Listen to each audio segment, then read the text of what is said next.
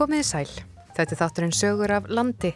Þar sem við flökkum um landið, ræðum við fólk sem hefur sögur að segja, kynum okkur áhugaverða staði og skoðum fréttamán líðandi stundar, oft með nýjum augum. Ég heiti Gíja Holmgistóttir og er umsjónamaðuð þáttarins. Og í dag helgum við þáttinn útsýnis skífum og gerð þeirra. En af hverju útsýnis skífur? Jú, það vildi nefnilega þannig til að ég var að vafra á netinu eins og ég gerir svo oft þegar ég leita að verðu um umfjöllunarefnum í þáttinn og þá rampa ég á frétt inn á hérasmiðlunum skessuhortni. Og fyrirsögnin var unnið að því að setja útsýni skífu á Hafnarfjall. Þetta var fyrirsögnin og undir stóð Síðasta miðvíkudag fóru félagar í ferðarfélagi Borgafjörðarheraðs í leiðangur á topp Hafnarfjalls. Tilgangurinn var að gera mælingar og skissur fyrir útsýniskífu sem stendur til að koma fyrir efst á fjallinu. Í leiðangurinnum tóku þátt Jakob Háldansson en hann hefur smíðað útsýniskífur sem finna má um land allt. Já, ég þurfti ekki að lesa lengra og skipulaði strax heimsókn til þessa manns sem geti sagt mér allt um þetta ferðalag upp á Hafnafjall og um útsýniskífur almennt eða ringsjár eins og þær eru líka kallaðar.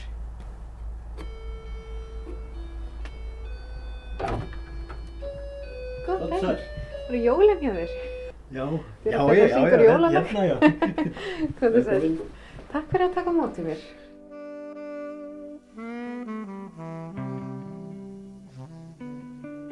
Já, ég heiti Jakob Háldarsson, tæknifræðingur og vann hjá vegagerðinni lengst af í rúmlega halvu öld og eh, hef svona sem aukaverkefni verið að, að eh, hanna hringsjár.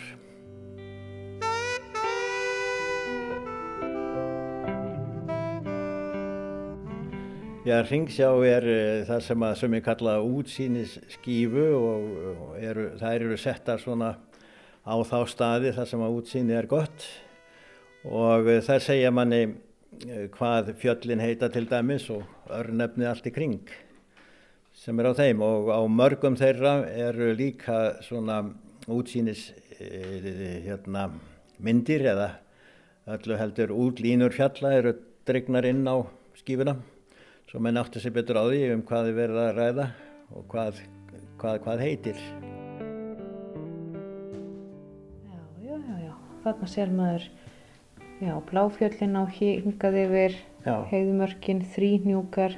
Já, þeir eru nú frægir í dag, þeir voru ekki þekktir þá. Nei, einmitt. já. Maður læri nú alls konar á þessu. Já, og svona lítið svo Svo er það tekningin út.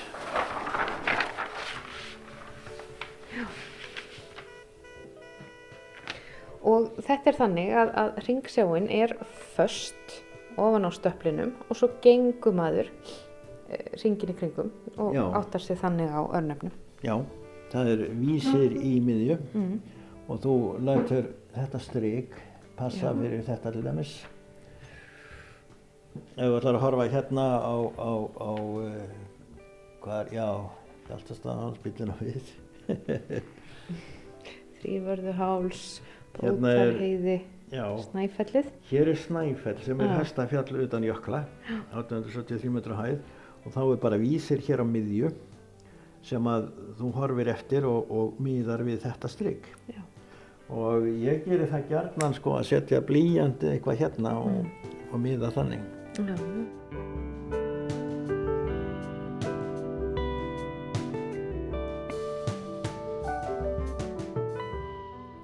Sitjum hérna við eldhúsborðið heima hjá þér. Ég baði um að hitta mig á vinnustofinu þinni og, og þú sagðist nú ekki eiga beinnin af vinnustofu en þú ertu búin að hérna, eh, fylla borðið af ljósmyndum. Getur þú sagt mér aðeins hvað við erum að horfa á? Já, þetta er nú bara mín vinnustofa hér, auk þess að vera náttúrulega í tölvunni. Þetta er svo mikið færst yfir í tölvu nú. Áður þá teknaði maður þetta alltaf bara beint á pappir. En um, myndirnar eru útsýnismyndir af Hafnarfjalli sem ég er að vinna í akkurat núna. Og uh, þær eru teknar eins og þú sérð á gamla myndavél Já. með filmu. Aha. Og ég nota filmu vegna þess að ég þarf að vita uh, hvað er, er langt á milli staða eins og maður horfir á það og um, til þess að uh, hafa það örugt þá nota ég þessa filmu því að ef þetta fyrir tölvu þá vil þetta tóast til á alla vegu og tölvan er að fykta í myndunum, þar er það ekki. Ja. Svo þess að ég nota ennþá þessa gamla aðferð og ég tek uh, venjulega svona þrjár filmur af myndum og uh, ringurinn, tek allar ringin og hann verður 4,1 metr á lengt og fer á svona 90 cm ræmörg 6 eða 7 eitthvað slúðis eh, Þetta er nú ekki fyrsta skífan sem þú gerir. Segðu mig nú aðeins bara þinn feril eh, að vinna að svona skíf. Já þetta er 40, hvað, 47. skífan sem ég vinn við. Já. Og um, á Íslandi eru 94 skífur allt í allt hér og þar um landið. Og ég hef verið við já, 46 sem sagt. En um, upphásmaður af þessum ringsjám á Íslandi var Jón uh, Víðis frendi minn, móðubróð minn. Og uh, fyrsta ringsjáin var sett upp á uh, 1938 hér út á, á Seltjarnanissi á Valhúsahæð. Og síðan þá, uh, já hann, hann hafi 23 skífur og ég var með honum við 11 þeirra þannig að ég er uppalinn í þessu, byrjaði 1960 að, að gera, þetta, gera þetta. Segðu mér aðeins frá því þegar þú varst að starfa með móðubróðinum að þessu. Já, hann notaði nú ekki tölvutækni heldur uh, vorum við bara með með tekniborð sem stóð á þrý fæti á staðunum þar sem við vorum að vinna. Og uh, þá var notaður sjóneiki sem ég reyndar á ennþá hérna, hann er út í bílskur sem að var með reglustyku á og uh, þetta var bara lagt ofan á tekninguna af ringsjáni á þessu tekniborði sem var bara út í mörkinni eða upp á fjöllum eða hvað sem við vorum nú að þessu. Og um, svo kikti ég í, í tækið og, og uh, þannig hann snýrið rétt og svo setti Jón bara stryk á tekninguna og þar setta nafnið á fjalli eða hvað sem það nú var sem vorum að horfa á. Og það eru svona eitthvað í kringum um, já, 100, 120 kannski örnefni ef að, ef að margt er á svona skífu.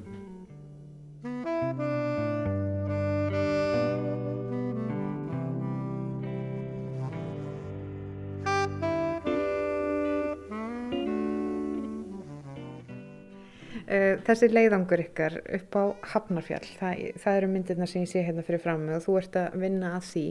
Uh, segðu mig frá þessum leiðangri þegar fóruð þarna upp á Hafnarfjall. Hverju voru með og hvaða leið fóruð þið og, og hvernig gengur þetta fyrir sig þegar það upp er komið? Já, við sem sagt, þetta var núna 7. ágúst. Þá uh, gengum við reyndar upp hrygginn frá, frá uh, Seleiragíli og upp í hæð sem er 791 metri. Og það er nú svo skrítið að, að akkurat þessi hæð hún hefur ekkert nafn. Mm. þetta er bara 791 en uh, gildasnjúkur og hestur á Hafnarfjallu er 844 metrar á hæð. Nú uh, við vorum uh, fimm til að bera allan búnaðin hann upp sem að fórum þetta og það var ég og, og uh, sónum minn Jón Víðis sem að er aðstofamað minn í þessari ringsargerð og uh, svo sá sem að baði nú um þetta fyrir hönd ferðarfélags, uh, ferðarfélagsins á staðnum. Og Jónina heitir hún og, og svo var Bræi með. Og loks maður nafni Alfred, hann hjálpaði okkur við þetta. Og þið berið þarna búnaðinu upp, hvað þurfum við að hafa með ykkur? Já, það er náttúrulega þrý fótur undir mælitækið sem að heitir teodolitt eða hornamælir sem að eh, ég nota til þess að til þess að kíkja á örnefnin og, og, og mæla hornið á milli staða og um, e, svo erum við náttúrulega sjálfsögðu með kort með okkur og, og e, þrýfótundir myndavélar og og alls konar dót og svo erum við nú þarna alveg frá því að sól kemur upp og þangar til hún sest. Já, gengum niður í myrkri með ljós á enni notuðum allan daginn og veitt ekki af en, en svo náttúrulega er líka nokkuð sem er svolítið þúnd að bera og það er matur fyrir allan þennan mannskap allan daginn. Mm. eða þannig Já því þurfum við að hafa vistir Já það er vist nöðsynlegt líka að halda sér við. Já.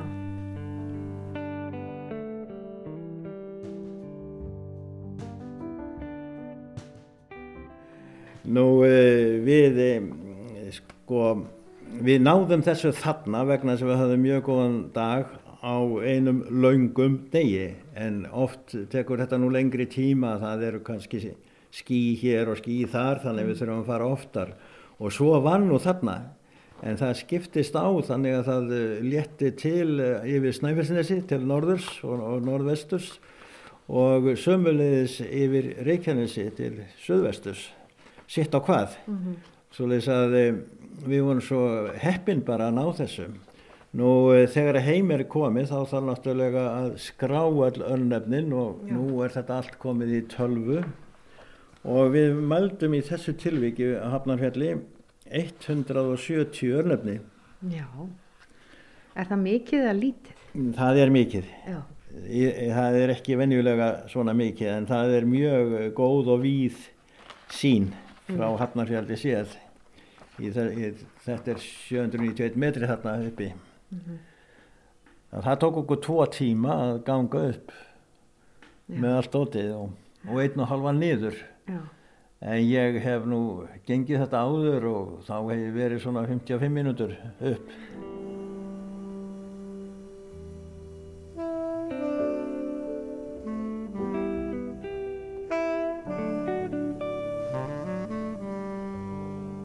Eh, þú ert búinn að gera margar ringsjár og þú starfaðir þarna með móður bróðinum, Jón Víðis, og núna starfaður með börnunum þínum, dóttur þinni og síni þínum, er þetta svona í fjölskyldunni að, að gera, gera svona ringsjár?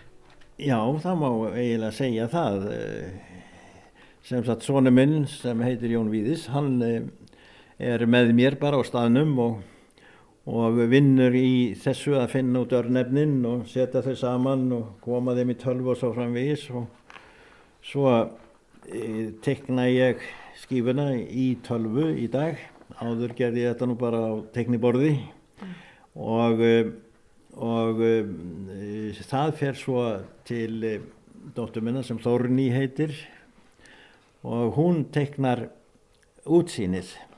Mm. sem sagt útlínur fjalla eru settar á útbrún skífunar þannig að maður sjáu fjöllin jætnvel þó það sé þoka.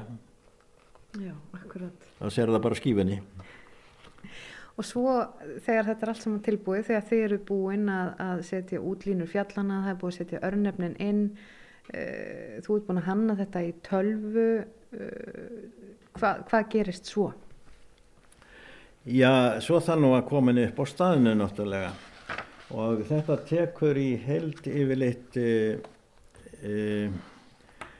já, einn vetur og tvö sömur Já, það er að segja að fyrra sömari þá þurfum við í fyrsta lega að býða eftir veðri sem getur nú verið langbið og stundum næsta ekki einu sinni Já. og um veturinn þá er þetta hannað og, og gengið frá því og svo, og svo árið eftir þá er, er, er þetta sett upp en, en það er oft svolítið erfitt að vera vissum hvað örnefnin og rétt og svo framvegis. Já og uh, við getum nú, ef við tölum um vinnuferlið í heild Já.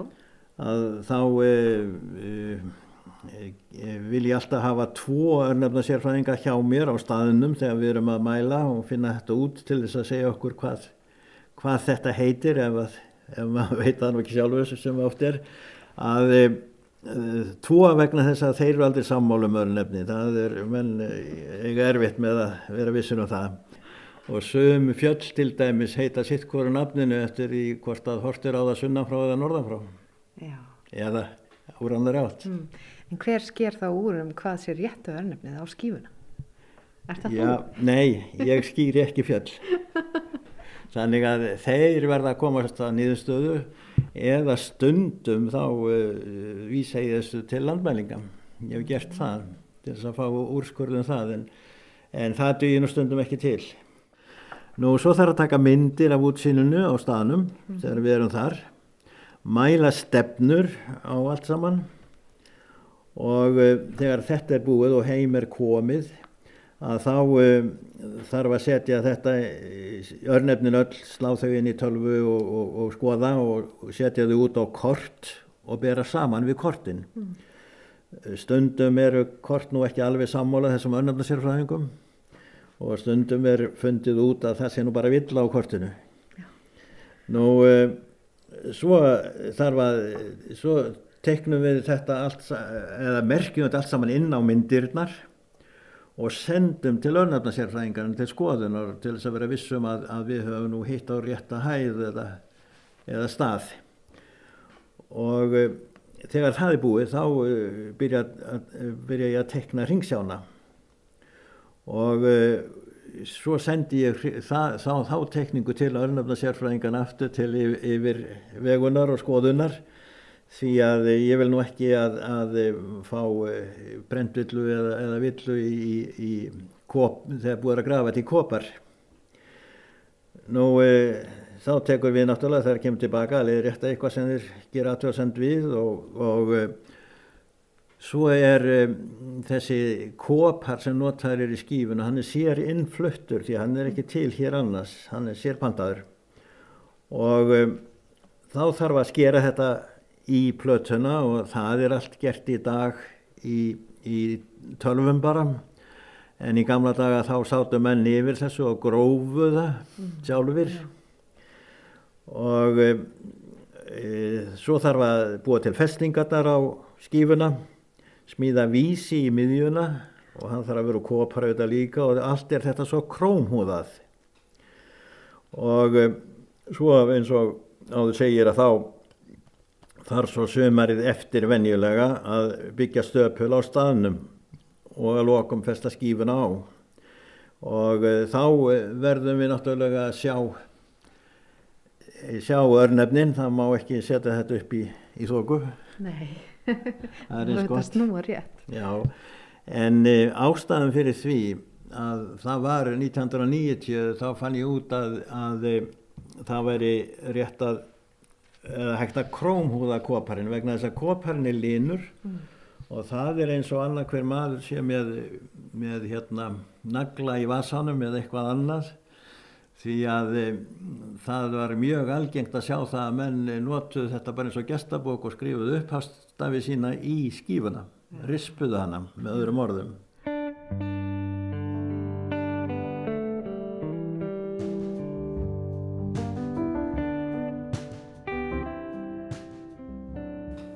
Já, vandræðin voru þau að, að menn grófu stafi sína í skífuna með því að rispa með nagla eða eitthvað svoleiðis þegar þetta var bara, bara hérna koparinn. Svo ég þurfti að finna út hvernig hægt var að verja skífuna og ég lagði það fyrir eh, rannsóknastofnun yðnaðurins að finna það út fyrir mig hvernig hægt var að verja skífuna og þeir fundu út að það væri hægt að að eh, lakka hana með grimmsterku bílalakki eins og orðuða og ég leta sjálfsögðu gera það.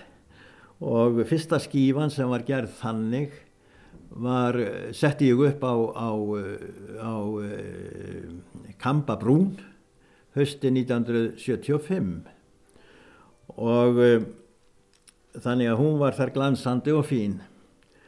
Nú svo kom ég þar aftur eh, helgin og eftir, viku setna og þannig að á þessum sjö dögum þá voru sjö manns búin að rispa í gegnum malninguna þannig að koparinn undir oxetir eðst þannig að þetta var enn verra heldur en áður hafi verið því að það var miklu meir ábyrjandi.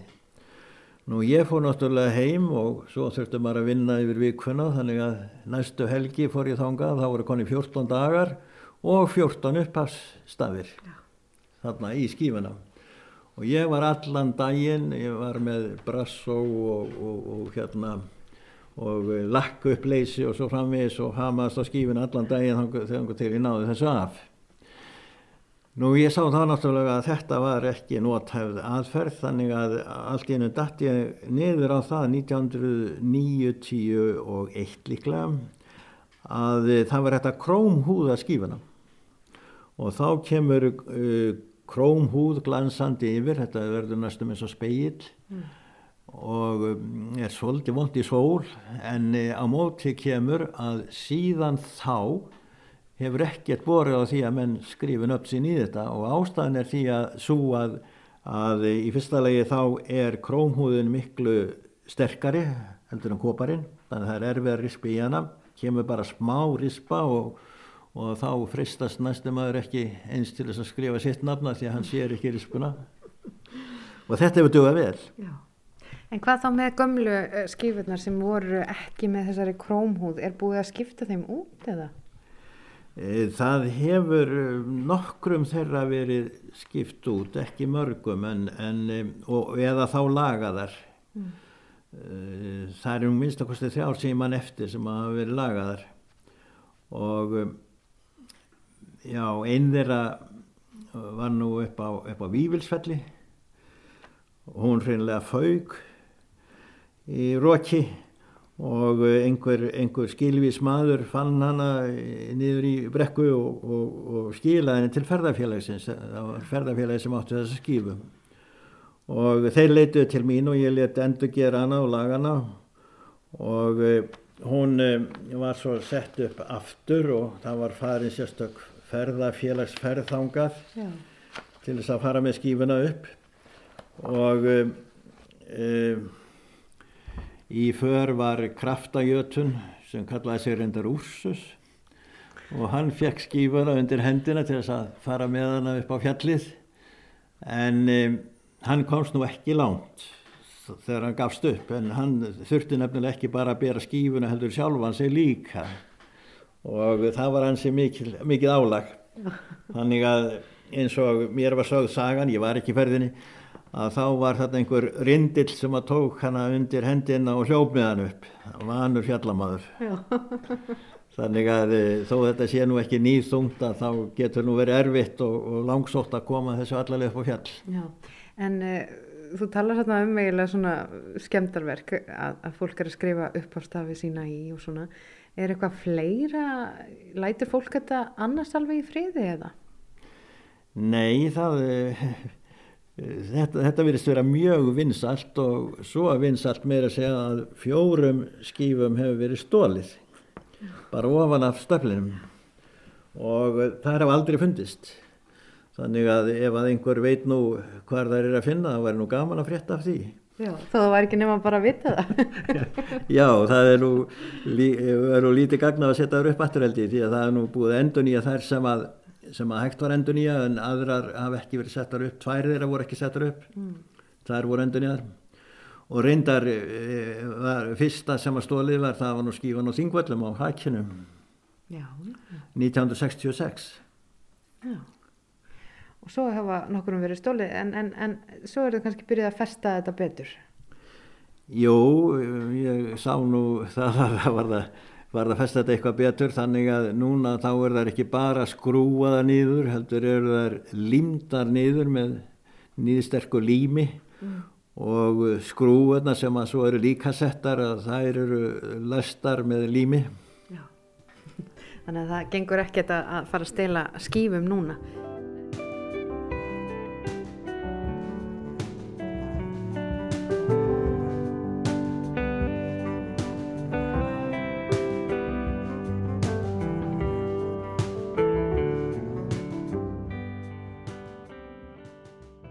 Áttu þér eitthvað uppáhalds örnefni?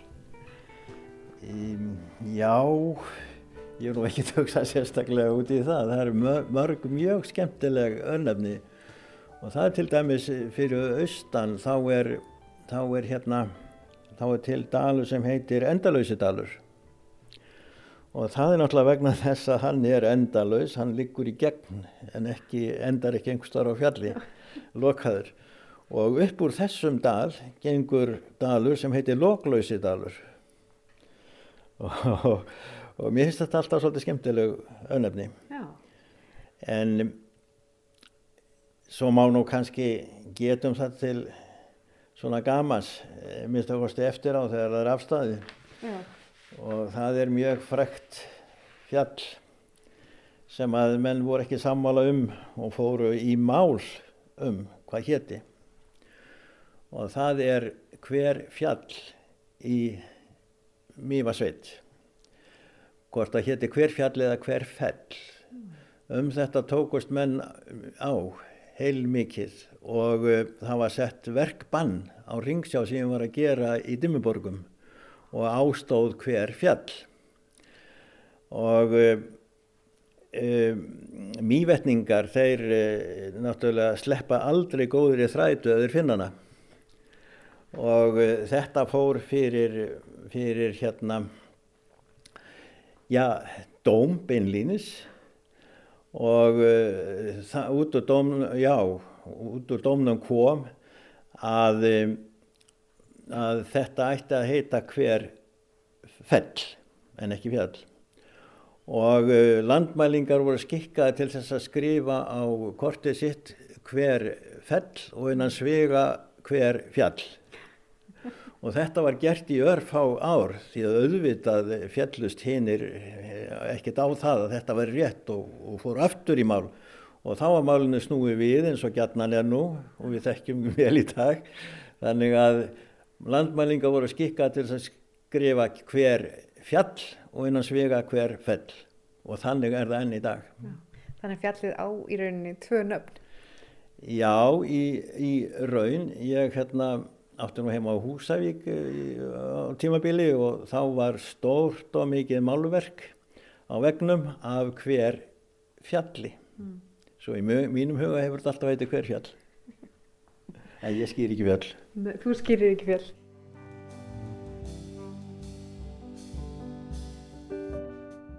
En segðu mér áður en að lengra haldið, ertu mikill útivistar maður?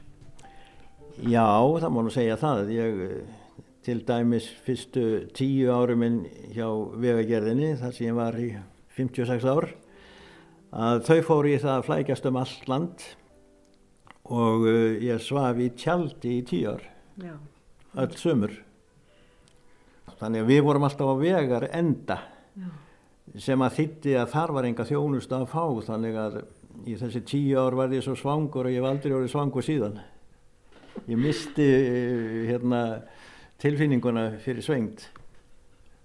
Byrjuði nú yfirleitt svona eh, klukka nýja á modnana og uh, svo vorum við komin í tjálstað svona, já, kringum minnætti.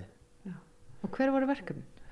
Já, það var það að ganga um og finna hvar uh, vegurinn ætti að vera. Það veginni voru ekki, til dæmis var, var engin vegur frá aðal vegakerfinu til Ísafjörðar mm.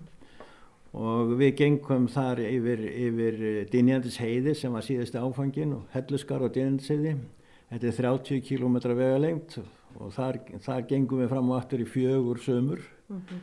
til þess að mæla fyrir vegi og, og áður en hann kom og hann var opnaður hösti 1959 þá loks komst Ísafjörður í vegasamband Já. við vegakerfið Og þegar þið genguð þarna fram og tilbaka voru þið þá að uh, sko, hvað voru þið helst að skoða? Jú, jú, við vorum náttúrulega að skoða það hvernig vegurum færi best í umhverfinu. Já. Þannig til dæmis að ekki eru nú brættarbrekkur og, og, eh, og heldur ekki blind beigur eftir því sem að hægt var.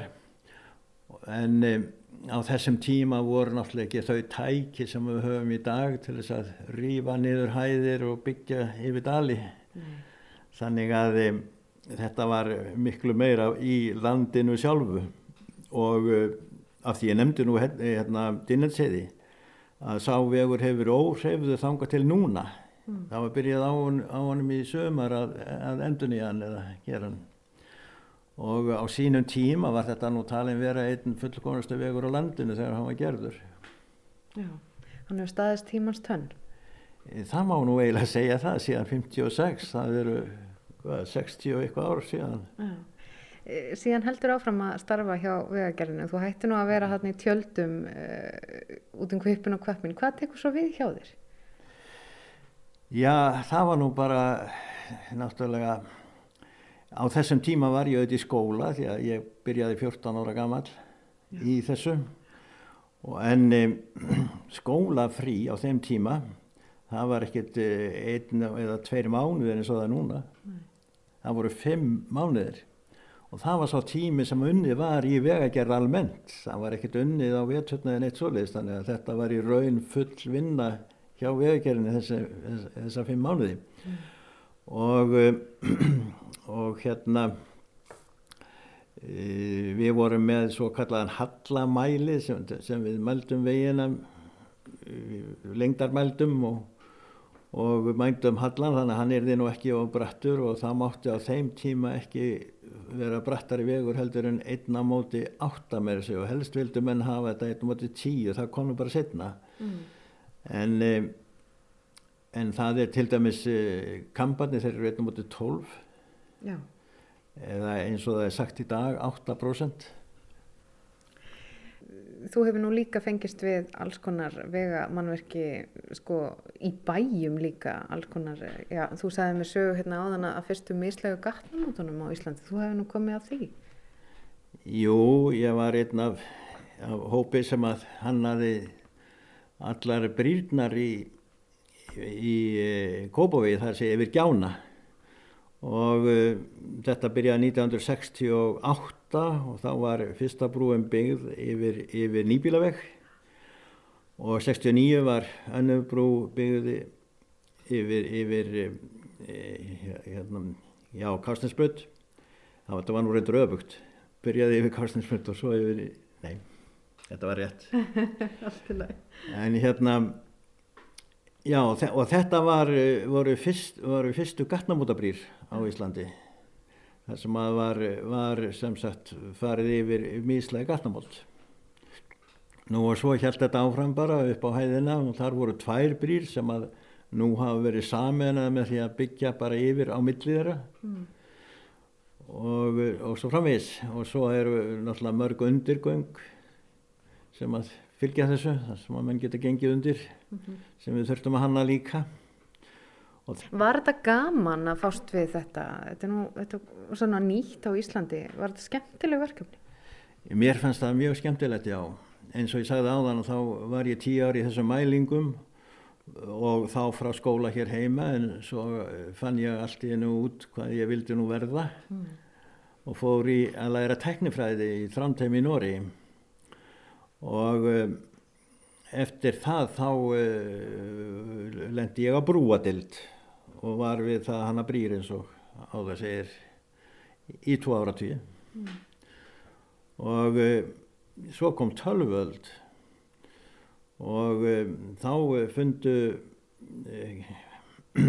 vitningarna hérna niður við Östuvöll það út að, að, að brýr og vegir væri eitt og hið sama þannig að steift brú og svo, svona drulluvegur við endan það var, það var bara eitt. Mm. svo þeir lögðu niður brúadeild. Og uh, þá var ég settur á tölvudeild því að ég var einn af fáum sem að nokkuð hefðu hugsað um tölfur þó það væri nú reyndar ekki til þegar ég lærði. Já. en í, þannig þess vegna var ég eh, já, næstum áratögu á tölvudeild. Já og uh, loks þegar ég hafði nú verið hjá vegagerðin í 40 ár þá fundu þeir út að það væri komið tími til að setja mig á sapn og gerðu mig á minjaverði og þar var ég síðasta einn og halvan áratvíðin Já, já, já. Og hvert var starf minjavarðar hjá vegagerðinni? Já, minjavörður sér náttúrulega um það að, að uh, halda við eða endur gera gömul vegagerða tæki mm.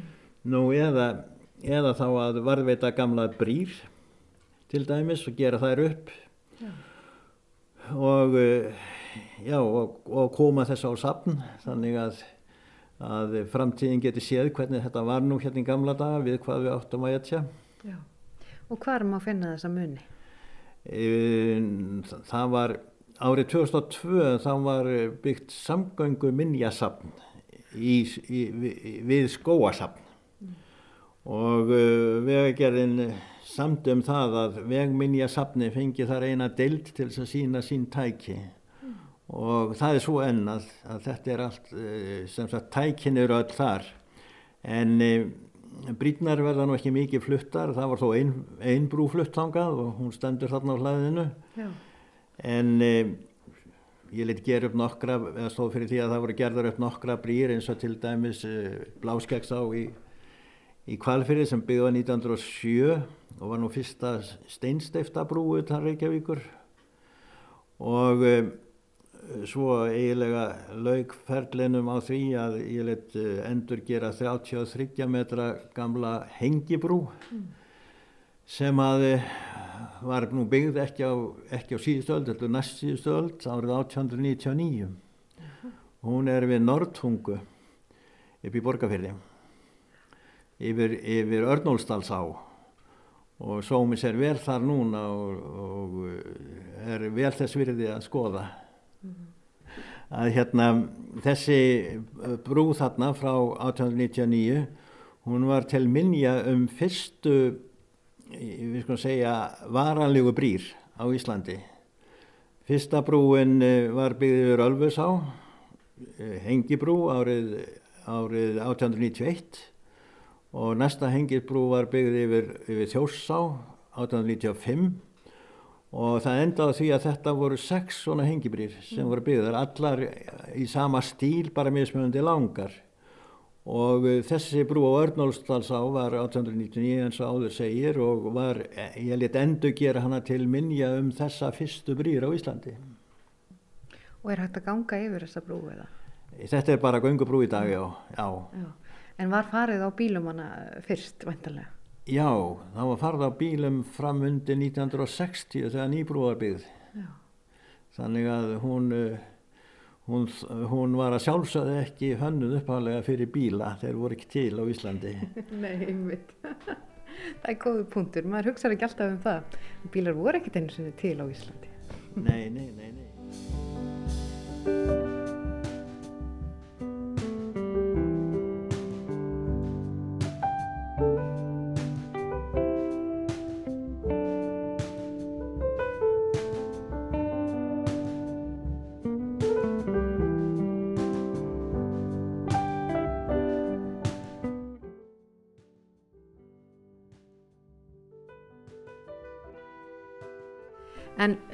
Jakob, sko þetta er nú ekki fyrsta útásviðtal sem þú hefur farið í um svona ringsjár. Uh, þú fóst í viðtal til Leifs Haugssonar. Uh, við segjum mér aðeins frá þessu aftur. Jú, þetta var 1991 þegar að skömmu eftir að Perlan var vígð og ég, ég gerði þrjár, eða hann aðeins þrjár ringsjár á þrjá tanka af sex þarna við perluna, útsýnispallinum. Og e, Leifur vildi e, ræða við mig um þetta og, og það var úr að fara upp á perlu og, og hann kom með bakpoka sem að í voru þessi tæki sem að þarf til þess að koma þessu beint í útarpið þannig að þetta var bein útsending og uh, hann sagði mér að þetta væri svo fyrsta sem að gerð væri svona. Áður þurfti heila rútu til þess að bera öll dækinn sem að þurfti til þess að senda. Nú uh, við stóðum þarna upp á pallinum og, og, og uh, Leifur Haugsson var náttúrulega með útarpið á til þess að fylgjast með því hvernig við færim í loftið og Svo náttúrulega er þessi staður rétt við flugvellin og þarna komu flugvilar yfir með látum þannig að við heyrðum ekkert þegar að eða hann heyrði ekkert þegar að kalla var að, að, að við ættum að fara í loftið Svolítið við stóðum þannig bara á kjöftuðum og, og e, svo loks náðist nú samband og þetta hafðist nú endanum held ég. Já, þetta er skemmtileg saga.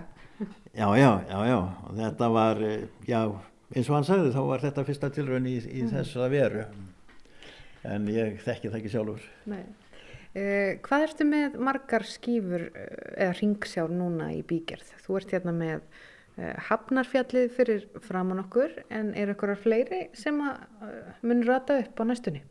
Já, það eru, það eru þrjár skýfur sem að voru beinlinis pantaða núna bara í haust sem er mjög óvennilegt og, uh, þetta stoppaði auðvitað algjörlega í COVID og eh, fór svona hressilega í gang aftur og það er Hafnarfjallið og svo er ein út á Snæfellsnesi og svo þriðja á Varmalandi í Borgafyrði, ekki langt frá Hafnarfjallið. Þannig að þetta eru þær þrjár sem að núna er í gangi. Mm -hmm. eh, er ykkur fleiri en, en þið, þú og sonurðin og dóttir, svona, ég búið til svona ringsjár? Já, það eru ímsinn sem að hafa gert það. Eins, eins og áður segir að þá var nú Jón Víðis í upphafi og hann gerði 23 ringsjór en ég og við höfum gert eða ég hef verið við 46 ringsjór samtals og svo eru uh, þó nakrir aðrir hannuð sem hafa gert 43 ringsjór en enginn þeirra fleiri en fjórar. Já Þannig að þú áttum svona vinningin í fjölda.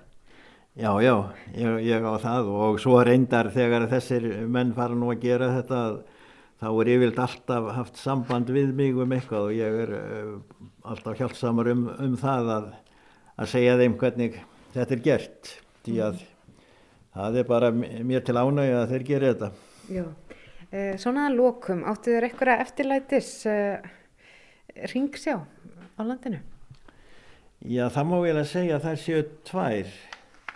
Önnur er á djúbavogi, þar sem að heiti Bóndavarða og er svona vegleg ringsjá. Og hinn stendur á vasttanginum í Borganesi upp, upp á þar og þar er 6 metra pallur og útsýni gott. Já. Og um, vegleg, þessar tvær eru veglegri heldur en svona flestar aðrar. Þetta eru svona þínar eftirlætis. Já, það múið segja það. Jakob Haldunarsson, takk fyrir að taka mótið mér hérna á heimiliðinu og segja mér frá uh, já, öllum þessum ringsjám sem að þú hefur fengist við og, og ert með í bígerð og líka frá svona þínum störfum og ferli hjá viðagerðinni.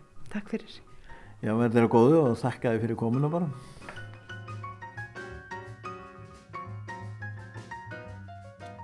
Og eftir þetta spjallokkar Jakobs um ringsjár, örnefni, vegavinnu og lífið og tilveruna almennt er komið að lokum í sögum af landi í dag. Og ef þið hafið ábendingar um efni með þið endilega senda okkur línu á netfangið sögur af landi at rúf.is. Og við minnum á að þennan þátt og eldri sögur af landi má finna á spilara rúf og öðrum hlaðvarpsveitum. Við þakkum þeim sem hlýtu, lifið heil.